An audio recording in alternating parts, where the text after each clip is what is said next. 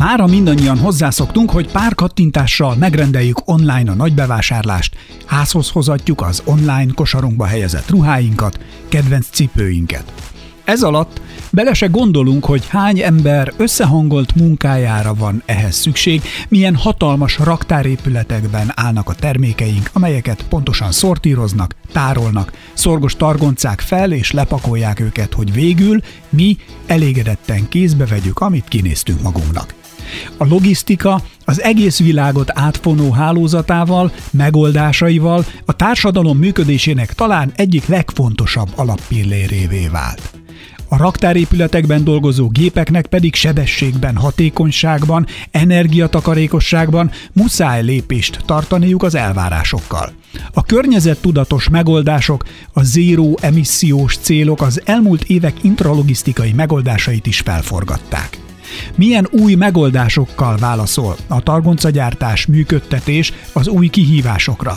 Mennyivel költséghatékonyabbak az új lítium akkumulátoros targoncák? Hogyan tudja az intralogisztika kielégíteni az egyre fokozódó igényeket úgy, hogy közben a földi erőforrásokkal is a legjobban gazdálkodjék? Ezeknek a kérdéseknek a megválaszolását segíti mai műsorunkban a Jung Heinrich két szakembere, Korcsmáros Ádám, portfóliómenedzser, és Végi Ádám, energetikai szakértő.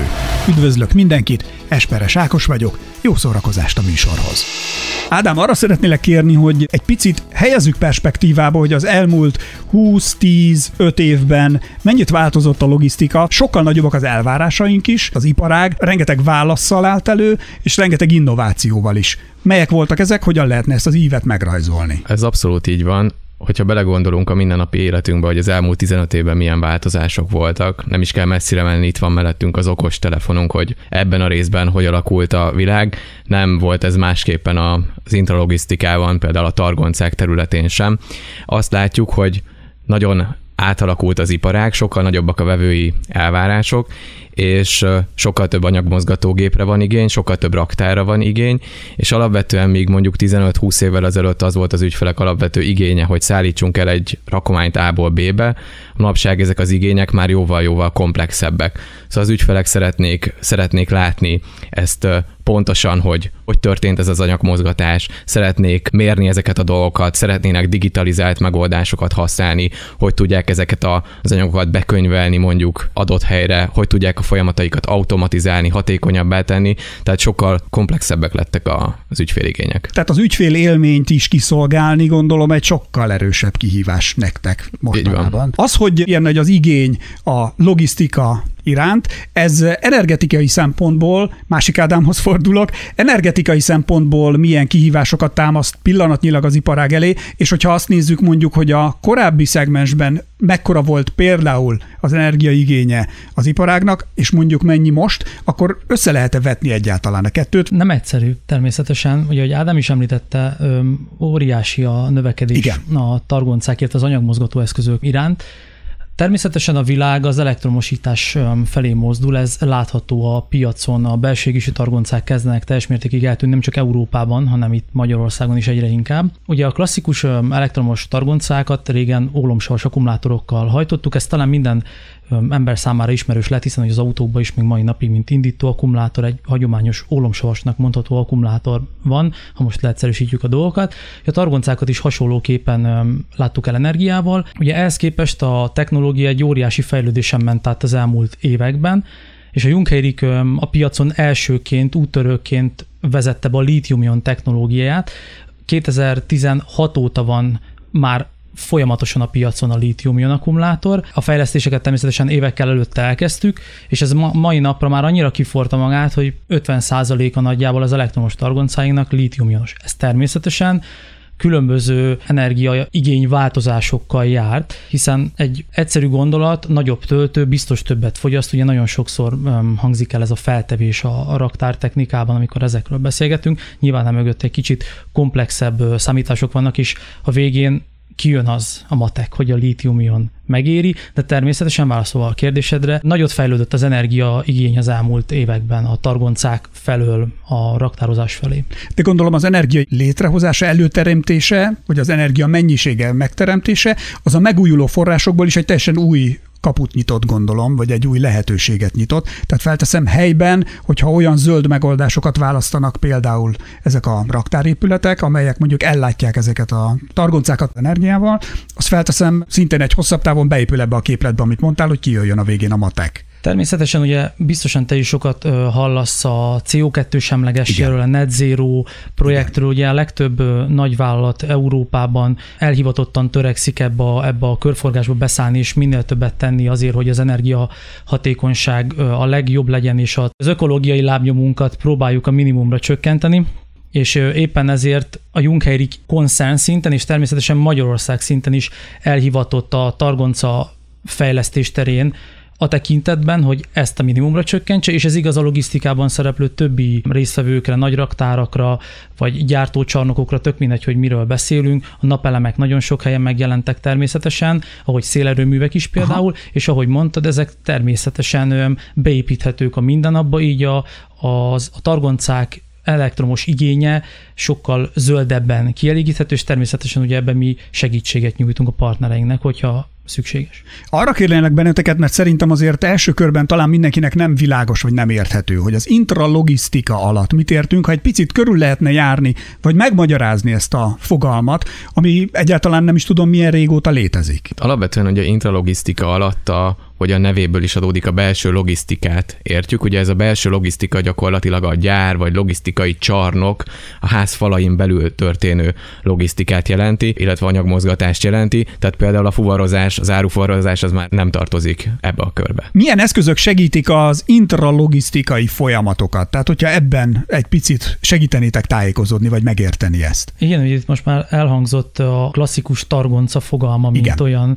Alapvetően a klasszikus targonca fogalma mindenkinek az a kis homlokvillás gép, amire beleülünk, előre nézünk, mint egy nagy autó, vagy nem is tudom, hogy fogalmazzam. Nyilván ez a, a, a targonca, mint olyan, az egy sokkal nagyobb fogalomtár, de a klasszikus anyagmozgató eszközökön túl ugye rengeteg más raktározással, raktártechnikával kapcsolatos megoldás létezik, ami az intrologisztika része, szállítórendszerek, automata raktárak, de ahogy Ádám is említette, rengeteg digitális megoldás, ami a raktározást segíti elő, ilyen például egy, egy vállalatirányítási menedzsmentrendszer, vagy akár egy flotta menedzsmentrendszer, ahol a targoncáikat tudjuk nyomon követni. Kimondható, nem tudom, ti mennyire szeretitek, vannak, akik szeretik, vannak, akik nem, az okos raktár megoldás felé, vagy akár ez a, ez a megfogalmazás, nem tudom, nálatok mennyire valid, él, szeretitek. Igazából az, hogy minek nevezzük, nyilván ez egy, én azt gondolom, hogy részletkérdése, de akár mondhatjuk ennek az okos raktárnak, vagy okos targoncának ezeket az eszközöket, és egyébként abszolút látjuk, hogy az ipar abban az irányba megy, hogy Balog Petyának volt egy ilyen mondása, hogy, a, hogy az adat az új trágya, és hogy ezt lehet pakolgatni ide-oda, meg lehet vele, lehet vele bizonyos dolgokat kezdeni, de ha nem jól használjuk fel, akkor igazából ezt csak tárolnunk kell. Viszont ezek a megoldások, ezek a digitális megoldások abszolút abba az irányba mennek, hogy az ügyfeleinknek ne adatokat tudjunk szolgáltatni, hanem információt tudjunk szolgáltatni, és majd itt fognak képbe jönni ez az AI, tehát mint mesterséges intelligencia, ami a különböző adatokat tudja elemezni, és adott esetben javaslatokat tud tenni az ügyfeleknek arra vonatkozóan, hogy hogy érdemes használni a flottájukat. Vagy mondjuk egy következő flotta beszerzésnél, hogy érdemes összeállítani a flottájukat, milyen gépeket érdemes vásárolni, milyen gépeket nem érdemes vásárolni erre az alkalmazásokra. Tehát gyakorlatilag ezeket ilyen nagy adatelemzésekből a szoftver össze tudja majd állítani. Tehát abszolút ez a jövő. Ha én mondjuk csak itt partnerként beesem hozzátok, és mondjuk az a kérésem irányotokba, hogy itt van azért raktáram, mondjuk legutoljára 25 éve volt benne bármilyen fejlesztés, akkor egyébként ti hogyan kezditek el a beszélgetést velem, ez hogyan zajlik, ennek, ennek mi a folyamata? Vannak erre alapvetően szaktanácsadó kollégáink, akik ilyen esetben nagyon jól és hatékonyan tudnak téged támogatni abban, hogy, hogy felmérjék az igényeidet, a szükségleteidet, és nyilván erre vonatkozóan összeállítják azt a rendszert, amire neked szükséged van. Nyilván ez sok mindentől függ, Persze. és ahogy az elején is mondtam, hogy illetve az Ádám említette az előbb, hogy most már sokkal inkább elmozdultunk abból az irányból, hogy hogy targonca, és a targonca alatt a legtöbb ember ezt a homlokvillás targoncát vagy gépet érti. Ma már jóval specifikusabb gépek vannak, amiket adott célfeladatra használnak az ügyfelek, és ez nagyon jól látszik a trendekből, hogy gyakorlatilag mindenki megy ezekre a specifikus gépekre, és specifikus feladatokra speciális arra a célra kitalált, tervezett gépet használnak. Tehát gondolom, én kapok olyan tanácsadást is, hogy nekem például, ha szeretnék is valamit, akár szükségem sincs rá, és ti már azzal jöttök, hogy nem, nem, nem, teljesen felesleges neked, ez mondjuk, ez az irány, ez például nem kell. Így van, abszolút. Milyen mozgások és fejlesztések jellemzik egyébként a ma targonca piacát? De alapvetően beszéltünk a lítiumionról. Igen. Ez ma a legnagyobb boom szerintem az anyagmozgatás piacán. Határozottan látjuk a, azt a trendet, hogy a lítiumion akkumulátorok száma növekszik a targoncákba, a kisebb gyártók, nagyobb gyártók, mindenki próbálja ezt a trendet vinni előre. Említettem fél gondolattal az automatizációt, ez az a jelen, ami, ami aztán igazából valószínűleg a jövő lesz, de már jelen van, hiszen az automata anyagmozgató eszközök már jelen vannak a raktárakban, illetve ami még nagyon nagy fókusz kapott az elmúlt időszakban, az a biztonság. Ezt is kicsit fel lehet fűzni az okos logisztikába, ha már így. Ez a kiberbiztonságot érted ez alatt például? Tehát, hogy például egy rendszer mennyire támadható akár kintről, vagy pedig... Természetesen ez is nagyon fontos, Aha. tehát minden olyan Jungheirik rendszer, amit mi vagy a partnereink használnak, az nagyon komoly kiberbiztonsági Világos. kiberbiztonsággal van ellátva, de amire még ezen túl gondoltam, az a targoncák biztonsági megoldásai. Hmm. Tehát ma már bemész egy szalomba, és nem csak kapsz egy autót, hanem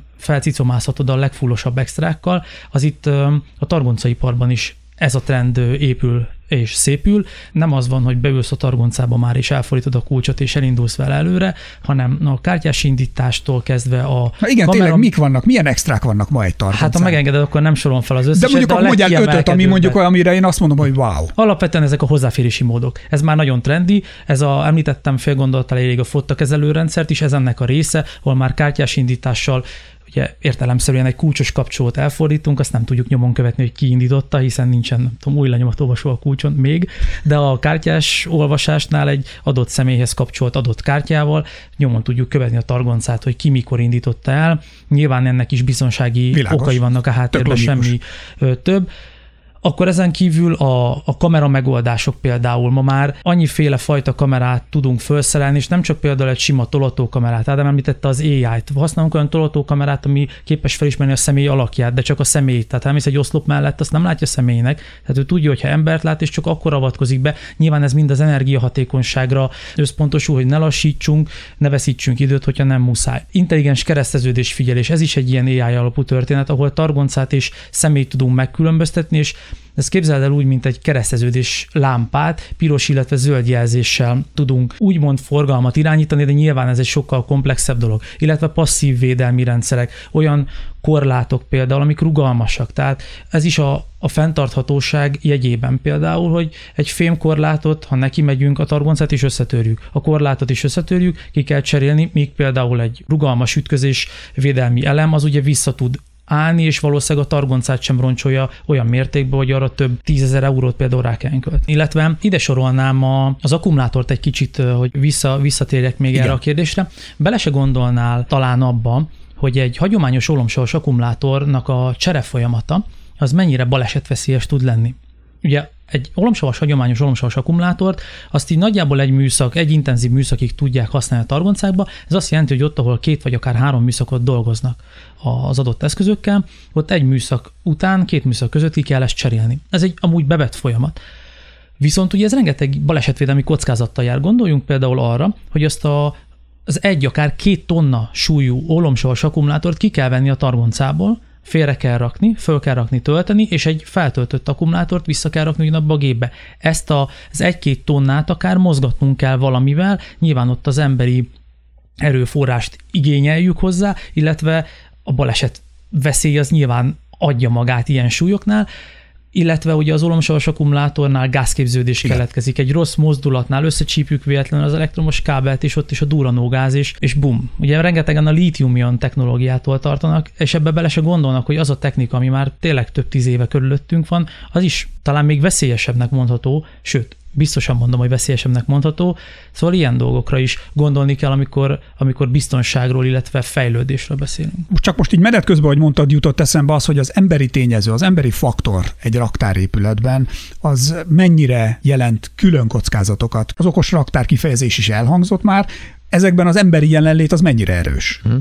Hát alapvetően azt szokták mondani, hogy minden, ahol ember van, vagy ember dolgozik, nyilván ezek a legveszélyesebb részek, és ezeket kell a legjobban, legjobban védeni a balesetek ellen, és uh, itt utalnék arra, amit az Ádám az előbb említett is, hogy különböző olyan, akár kamerás megoldásokkal dolgozunk a gépen, ami felismeri az emberi mozgást, és abban az esetben, hogyha nagyon közel kerülne a gép, vagy veszélyes helyzet tudna kialakulni, akkor lelassítja, vagy ott esetben meg is állítja a gépet, hogy ne történhessen baleset ezekből a helyzetekből, illetve sajnos látjuk azt, a, illetve tapasztalják a cégek is azt a munkaerőpiacon, hogy egyre nehezebb megtalálni a megfelelő munkaerőállományt, sok esetben külföldről kénytelenek munkavállalókat behozni a cégek, és a munkavállalói morál is olyan, hogy nagyon nehéz elkerülni ezeket a veszélyes szituációkat, így az utóbbi időben nagyon megnövekedett a kereslet pont az ilyen biztonsági kiegészítőkre, amik ennek a kockázatát csökkentik gyakorlatilag, hogy baleset kialakulhasson,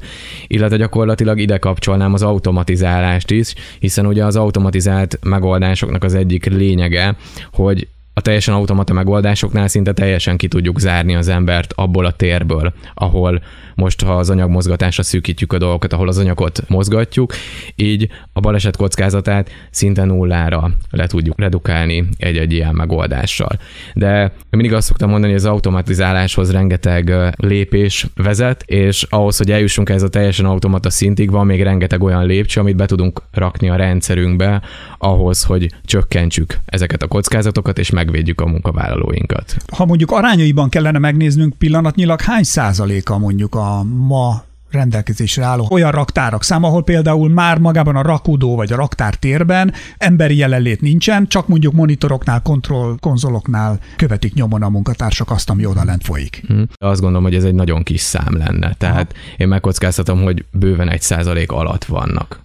De ez lesz felteszem a jövő, tehát hogy azért ez lehet, hogy benne van, hogy azért ebbe az irányba megy minden. Abszolút, abszolút ebbe az irányba megy, a, megy az intralogisztika, és látjuk is a növekvő igényeket, és látjuk azt, hogy egyre jobb megtérüléseket lehet számolni ezek mögött a projektek mögött, és nyilván végső soron itt minden a megtérülésről szól, tehát amint megtérül a projekt, be fognak ebbe ruházni, illetve itt még ahhoz a gondolathoz visszacsatolva, hogy nincs munkavállaló, tehát a cégek nagyon nehezen találnak munkavállalót, és emiatt is ösztönzi őket ebbe az irányba, hogy automatizáljanak, automatizálják a folyamatuk egy részét, vagy akár elinduljanak a teljes automatizálás irányába, illetve itt a podcast előtt beszélgettünk egy kicsit a webshopos rendelésekről Igen. is, tehát ma már teljesen természetesnek vesszük azt, hogy ma megrendelek valamit, és holnap ott van a, a, a postaládámba, vagy ott Sőt, van a mindenki reklamál, ha nem kapja meg már másnap. Tehát, így, hogy azért a nyomás elég erős a így van, így van, és gyakorlatilag ezt szinte kizárólag csak ilyen megoldásokkal lehet megvalósítani, amik teljesen automata működést tesznek lehetővé. Ez a nagy elvárás, ugye ez, és itt beszélgettünk már egy kicsit az ökológiai lábnyomról is. Pillanatnyilag a káros anyag kibocsátása a logisztikai szegmensnek ez valahogy megfogható? Ez egy kicsit összetett dolog. Azt mondhatjuk, hogy a teljes kibocsátás kb. 25%-a, de ez a teljes logisztikára érthető. Ugye itt az anyagmozgatás, ez ennek csak egy kicsi szegmens. Amikor, amikor a logisztika teljes CO2 kibocsátására gondolunk, akkor itt nem csak konkrétan a, az anyagmozgatásra gondolunk, ez egy kicsit összetettebb ennél. Gondolunk a fuvarozásra, ugye a teherautók, amik közlekednek, Gondolom a hajó, raktára, a hajókról ne is beszélve, így van, vagy akár ugye a légi fuvarozás. De ezen felül gondoljunk ugye a csarnok energiafogyasztására. A csarnok energia szükségletéhez szükséges energiát is elő kell állítani valahogy. Tehát, hogy ez egy nagyon összetett szám. Egy érdekességet hoztam 2021-ből, uh-huh. Németországból, 4,51 század milliárd csomagot kézbesítettek, és ez az igény ez azóta is növekszik. Tehát gondoljuk el, hogy milyen számok ezek, és ezt kell nekünk valahogy megfogni, és ahogy már említettem ezt a net zero törekvést, ennek kell folyamatosan a lépcsőit építenünk, mert ez ez nem kis feladat amúgy. Az energiaválság egyébként hogyan alakított át a partneri megfontolásokat? Mi az, amivel ők, mint mondjuk szolgáltató cég, hozzá tudnak járulni ahhoz, hogy ezek az igények és érdekek kielégüljenek és ne sérüljenek? Teljesen őszinte leszek veled. Ugye ezek a cégek, akár raktárak, akár gyártócsarnokok eddig is nagyban játszottak. Nyilván az energia még inkább fókuszba került náluk, ez nem kérdés, de náluk ez fókuszban volt már, nem véletlen van az, hogy a Junkerik már 2016-ban technológiát próbált újítani és hatékonyabb targoncákat tervezni, hatékonyabb akkumulátorral. Tehát ez a logisztikában nem most kezdődött, hiszen a logisztika növekszik már évek óta, és az energiaigény óriási tendenciával növekszik ezzel párhuzamosan. Igazából még annyit fűznék ez a témához hozzá, ahogy elindultunk az átállásra hagyományos ólomsavas akkumulátorral a lítium akkumulátorra, itt nagyjából 20%-os megtakarításról tudunk beszélgetni, tehát alapvetően az új technológiával 20%-kal kedvezőbben tudják üzemeltetni a flottát a cégek. Hogyha összevetjük mondjuk egy régi akku és egy ilyen modern lítiumos akku működését. Ja, alapvetően ez a lítium technológia merőben máshogy működik, ez talán az egyik legnagyobb kihívás volt, amikor az akkumulátorokat elkezdtük a piacon terjeszteni, hiszen az addigi jól megszokott felfogást, amit már említettem, ez az akkumulátoros csereüzem, hogy lemerítjük, lekicseréljük, feltakjuk tölteni, megyünk tovább dolgozni, ez teljesen más hm. kép alakítja a piacot a lítium akkumulátor. A lítium akkumulátornak röviden a lényege, a használatát tekintve az pont az ellenkezője az ólomsavasnak. Itt rövid töltésekkel nagyon sok energiát vissza tudunk nyelni a targoncába, így meg tudjuk spórolni a csere akkumulátort, ezzel ugye nyersanyagot spórolunk gyakorlatilag, illetve pénzt is természetesen rövid töltésekkel rengeteg energiát tudunk visszatáplálni az akkumulátorba, rövid idő alatt nagy mennyiséget, így el tudjuk nyújtani az egy akkumulátor használatát ugyanúgy kettő, akár három műszakra is. Említettétek még korábban, hogy ugye, a, hogyha költséghatékonyság ott van, akkor arra a piac be fog ruházni, tehát hogy akkor arra valószínűleg lesz majd a későbbiekben kereslet. Hogy vannak a megtérülési mutatók? Arról lehet esetleg valamit mondani, hogyan lehet e felé tolni, milyen érvekkel lehet e felé tolni a piacot? Természetesen a, a az tanácsadóink ezekre a kérdésekre fel vannak készülve. Sok aspektusból érdemes ezt a dolgot vizsgálni. Említettem például ugye a csereüzemet, csak egy nagyon egyszerű dolog, ha már a csereakkumulátorokról ennyit beszéltünk. Ugye az olomsavas akkumulátornak a töltését töltőhelyiséggel kell ellátni, meg, említettem a gázosodást is, Igen. ez megfelelő ventiláció kell, illetve gondoljunk akár csak egy 20 fős gépparkra, ha mindegyiknek cserélünk akkumulátort, akkor 40 akkumulátorra van szükségünk, ugye 20-at töltünk, 20-at használunk. Na most ezt a helyet például, ezt a töltőhelyiséget szellőztetéssel mindennel együtt meg tudjuk spórolni, és ezen a helyen, ami nem kicsi hely, egy raktár szegmensében ezt akár tárolásra tudjuk használni. Ez is egy olyan költség, amiben a partnereink sokszor nem gondolnak bele, hogy ezzel helyet takarítanak meg maguknak, amiből ugye egyre kevesebb van, és itt gondolhatunk az automata raktárakra, egy kicsit visszakacsintunk egy gondolat elére, hogy nőnek ki a földből a raktárak, és az automata raktárak egyik nagy előnye, hogy tudunk fölfele menni, mivel széltében meg hosszában már nagyon nehéz.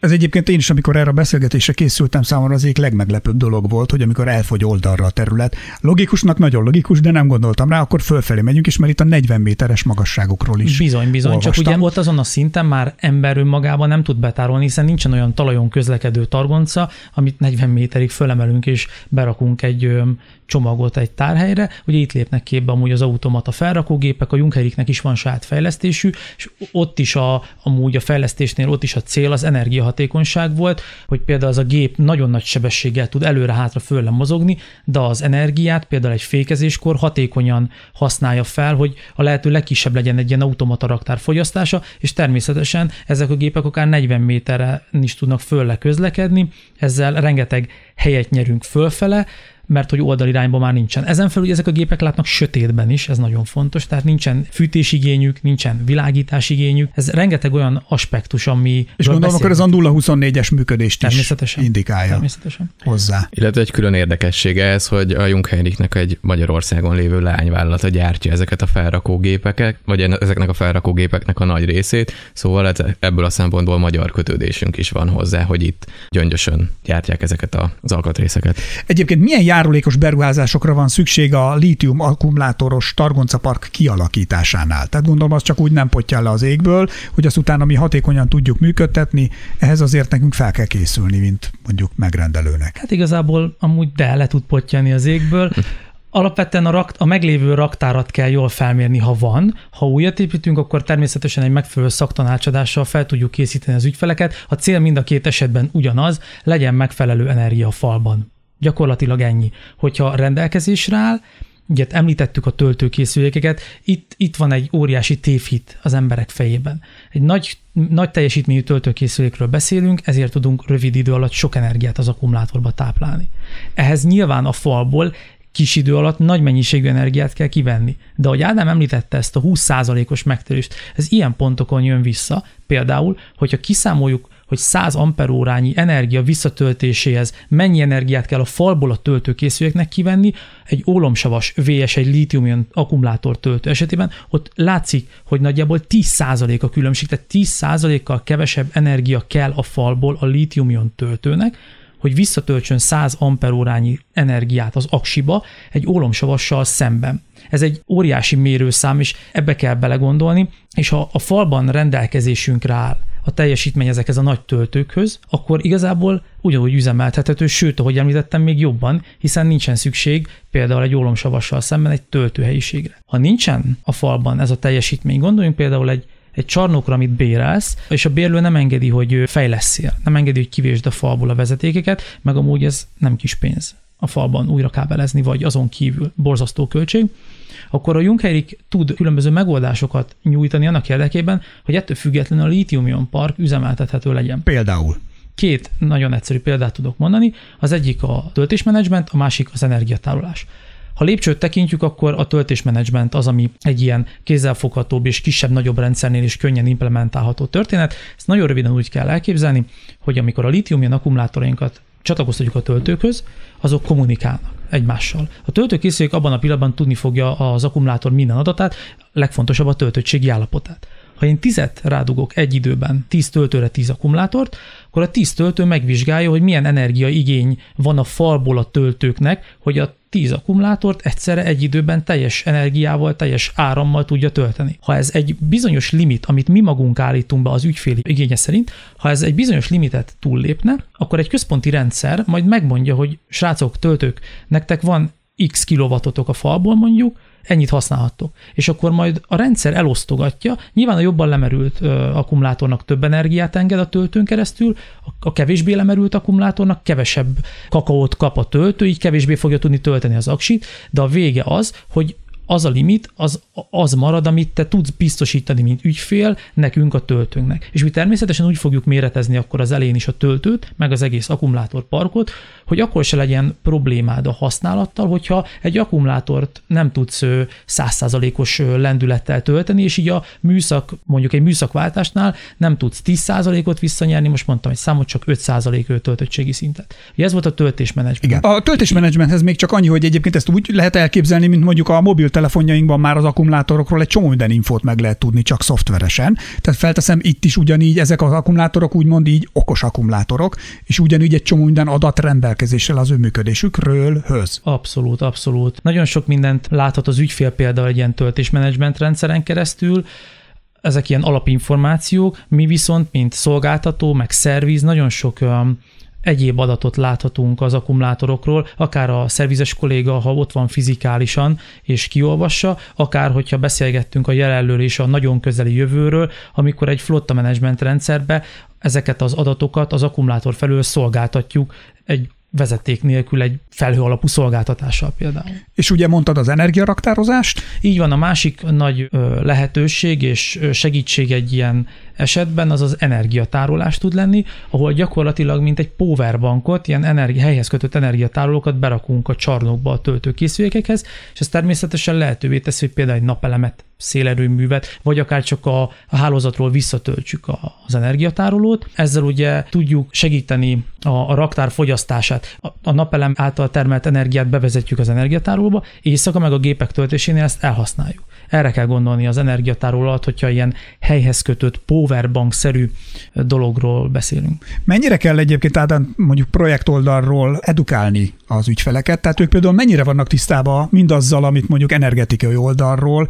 az Ádám az iméntiekben elmondott, vagy pedig már ezt kapizsgálják, vagy ez a feladat rátok hárul mostanában túlnyomó részt? Egyébként azt látjuk, hogy ahogy itt beszéltük is az elején, hogy egyre komplexebb igényekkel is jönnek hozzánk az ügyfelek, de abszolút nekünk az a célunk, és ez az egyik feladatunk, hogy edukáljuk az ügyfeleket ebben a témában, és megmutassuk nekik azokat a lehetőségeket, amik rendelkezésükre állnak, és ami alapján nyilván tudnak dönteni, illetve amit nagyon fontos szintén megemlíteni, hogy azt látjuk, hogy egyre tudatosabban történnek ezek a flotta beszerzések adott esetben, és ez is pont abból jön, hogy jóval több információ, jóval több adat áll már a rendelkezésre a cégeknek, és hála Istennek elindultunk abba az irányba, hogy döntések már adatvezérelt módon történnek, tehát nem megérzésekre hagyatkozva döntenek egy-egy ilyen gépbeszerzésnél vagy flotta beszerzésnél.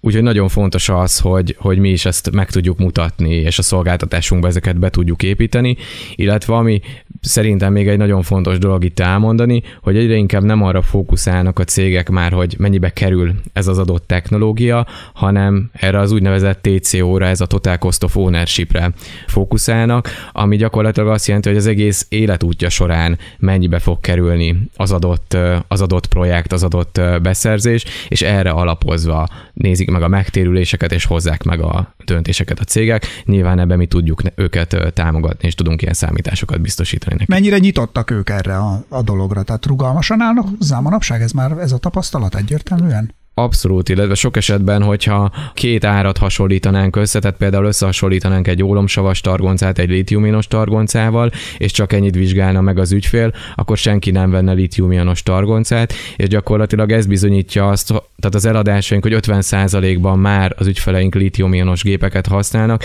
ez bizonyítja azt, hogy nem a bekerülési költségre összpontosítanak, hanem gyakorlatilag erre Teljes a TCO költségre összpontosítanak az ügyfelek. Milyen újrahasznosítási megoldások erősödnek ezeken a területeken, hiszen számos ellentmondó hír jelenik meg az új akkumulátorokkal kapcsolatosan.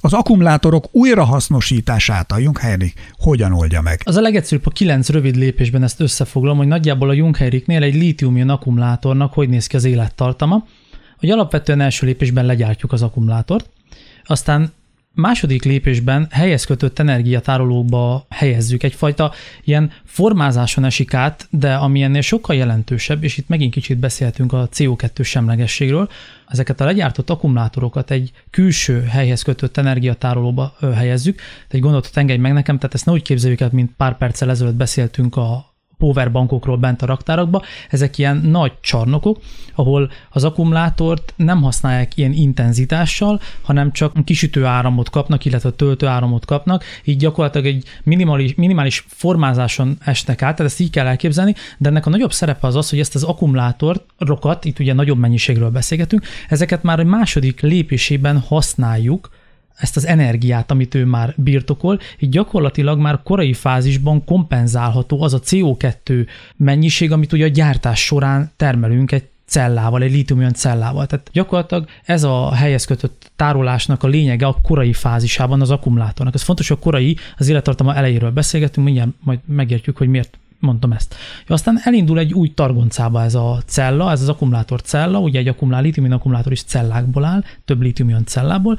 Ezeket összerakjuk egy akkumulátorpakká, és belerakjuk az új targoncákba. Aztán, amikor az első életciklusán túl van úgymond az akkumulátor, akkor bevizsgáljuk őket szakszerű körülmények között, kategorizáljuk ezeket a cellákat, és különböző kategóriák szerint elhelyezzük őket, Nyilván a következő lépés, a legfontosabb az a használt akkumulátor lesz használt targoncákba. Nagyjából amúgy most itt járunk valahol.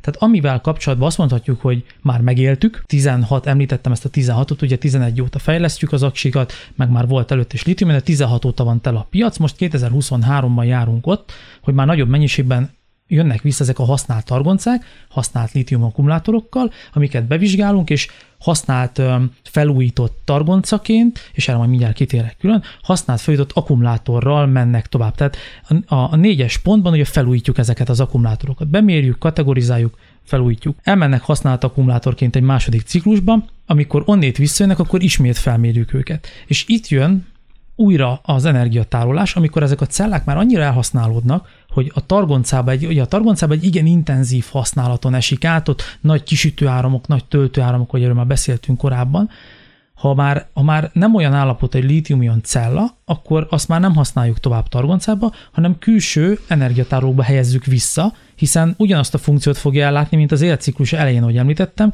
hogy a kevésbé intenzív kisütés, kevésbé intenzív töltés, teljes mértékig alkalmas napelem vagy szélerőmű által termelt energia tárolására, majd a, a lassú intenzitású leadására. És amikor már ennyire sem lesz alkalmas, ugye ez nagyon-nagyon ugye a távoli jövő, itt már a harmadik ciklus. Azt akartam mondani, vagyunk. hogy években most már hol tartunk az első lépcsőfoktól idáig, tehát hogy azért ez már években is elég sok. Igen. Hát a tippel nem kéne, tíz alatt nem állunk meg. Igen. De mint ahogy említettem, 2016-tól 23-ig járunk most itt, hogy a az elmúlt évek, és akkor még egyszer legalább ennyi hátra van, én azt mondom, de beszélgessünk erről majd még egyszer ennyi. Várlak benneteket tíz év múlva. Köszönjük szépen. Szóval ugye ezeket az akkumulátor cellákat az életük végén 95%-ban újra tudjuk hasznosítani. Ez egy elég jelentős szám, és az ökológiai lábnyom itt mutatkozik majd meg a legnagyobb csökkenés felteszem. Fokozatosan egyre-egyre kisebbé válik. Határozottan, határozottan viszont ugye, hogy beszélgettük, ez, ez, ez, még, ez még a nagyon a jövő, ami viszont a jelen van, és ha már felhasználás és újrahasznosítás, ugye említettem a használt targoncákat.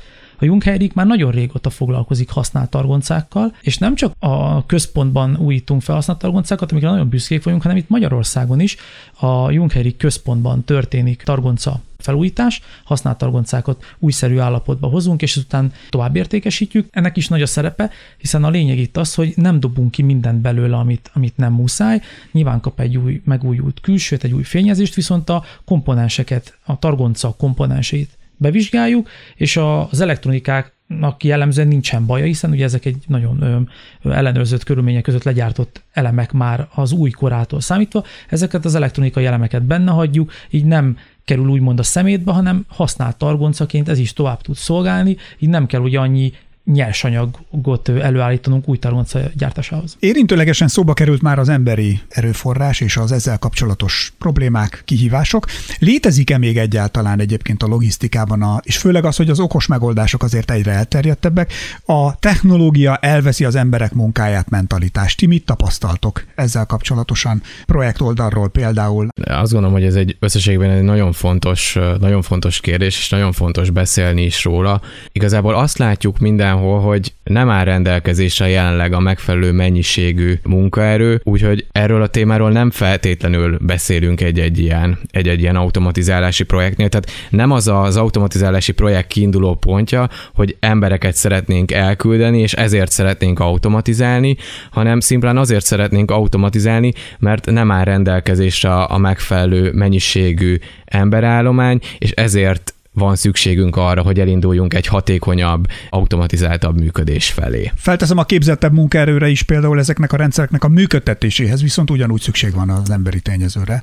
Abszolút, abszolút, és igazából ezek az automatizált megoldások pont az ilyen nagyon standardizált, nagyon ismétlődő, egyszerű feladatokat tudják kiváltani, tehát nyilván jelen pillanatban még nem tartunk ott, hogy a gondolkodó, nagy hozzáadott értékű emberi munkát ilyen megoldásokkal tudjuk végezni, úgyhogy igen, ez egy fontos gondolat itt még. Illetve engedj meg egy gondolatot ide, mond, kérdezted nem olyan régen, hogy hogy képzeljük el százalékosan, hogy hány olyan raktár van, ahol már csak automata robotok jönnek, mennek, dolgoznak. Nem így kell ezt elképzelni, hanem úgy, hogy ezek az automatizált folyamatok a részei lettek a komplett raktározásnak. Ahogy most az Ádám is említette, olyan folyamatok, amiket tudunk standardizálni például. Vagy említetted te magad ezt a 40 méteres kívülről egy kockának tűnik, ugye ezek a felrakógépek.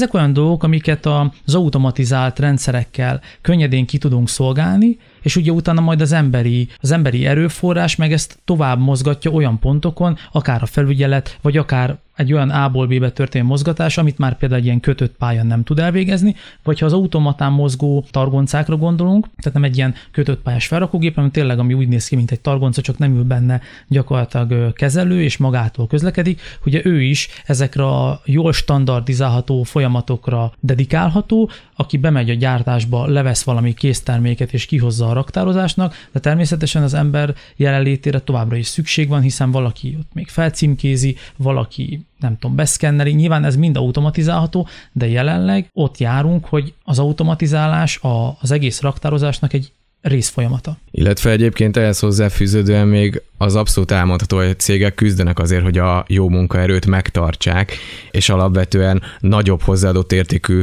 feladatokhoz használják, és akkor ide kapcsolódóan hoztam én is egy adatot. Legutóbb egy logisztikai igazgatóval beszélgettünk, és pont a lithium-ion flotta beszerzése kapcsán volt ez a beszélgetés, hogy már több éve használják, mi volt a tapasztalat vele, és hogy azt a kérdést tettem fel neki, hogy mi volt a legnagyobb wow faktor, vagy mi az, amit így nem hittek el, amikor annak idején erről beszélgettünk, és azt mondta, hogy számára a leghihetetlenebb dolog az az volt, hogy lehet ezt folyamatos üzemben használni, gyakorlatilag akkumulátorcsere nélkül, és ide vonatkozóan mondott egy olyan adatot, egy olyan információt, amit kiszámolt magának, hogy utólag kiszámolta, hogy nekik 72 darab gépük van, és gyakorlatilag ez az akkumulátor csere, hogyha a 72 gépes flottára kiszámoljuk három műszakban, az egy évben 7000, tehát 7200 órát jelentett, ami három ember teljes munkaideje.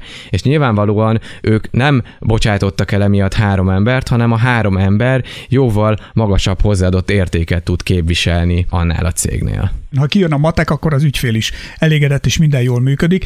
Összehasonlítva világviszonylatban, ti mit láttok, mit tapasztaltok, hol tartunk a hazai piacon a legújabb technológia bevezetésével, használatával, kihasználásával? Hát ugye, ahogy említettük már ezt az 50%-os lítium arányt az elektromos targoncákba, illetve hogy említettük, hogy a belső égési targoncák piaca jelentős hanyatlás mutat, ez szerintem önmagáért beszél, ha a raktározásra gondolunk, akkor határozottan a, az elektromosítás és az automatizálás az a két dolog, ami a jelen és a, a jövő is lesz, illetve nyilván, ha a targonca ipart is mindig tudni kell előre gördíteni, és ha már megvan egy megfelelő energiaforrásunk, jelen esetben a lítium akkumulátor, akkor elkezdjük megvizsgálni, hogy hogy lehet ezt még jobban csinálni. Engedd meg, hogy beszéljek így pár gondolatot a Jungheri jelen és jövő targoncáiról, az úgynevezett Powerline targoncákra. Ez egy igen hangzatos név, de igazából nem is lehet szépen magyarosítani, nincs is értelme, inkább gyorsan körbeírom, hogy nagyjából mit kell itt elképzelni.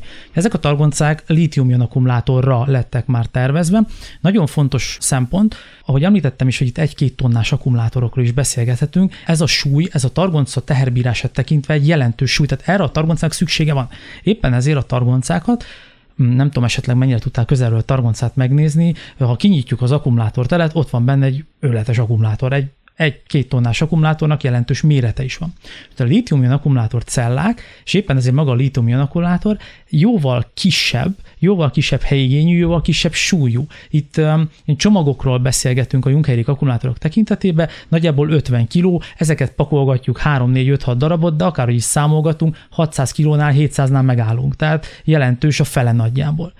Nyilván ott, ahol a hagyományos elektromos targoncákba rakunk lítium akkumulátort, ott ezt a súlykülönbözetet vassal pótoljuk. Viszont miért használjunk fel fölöslegesen ennyi súlyt, hogyha megoldhatjuk ezt másképp is, ezt gondolta Junkerik, és ezért tervezett olyan targoncákat, ahol már nincsen ez az őrületes akkumulátor tér, amiben egy őrületes méretű akkumulátort be kell rakni, hanem sokkal ergonomikusabb, sokkal formabontóbb targoncákat kezdtünk el gyártani, ahol megszűnik az akkumulátor tér, az akkumulátort, ahogy az elektromos autók erre a legegyszerűbb gondolni, ugye ott sem látsz hatalmas akkumulátor teret, hanem az akkumulátor el van fektetve a kaszniba, a csomagtartóban, mert attól függ, melyik gyártóról beszélünk.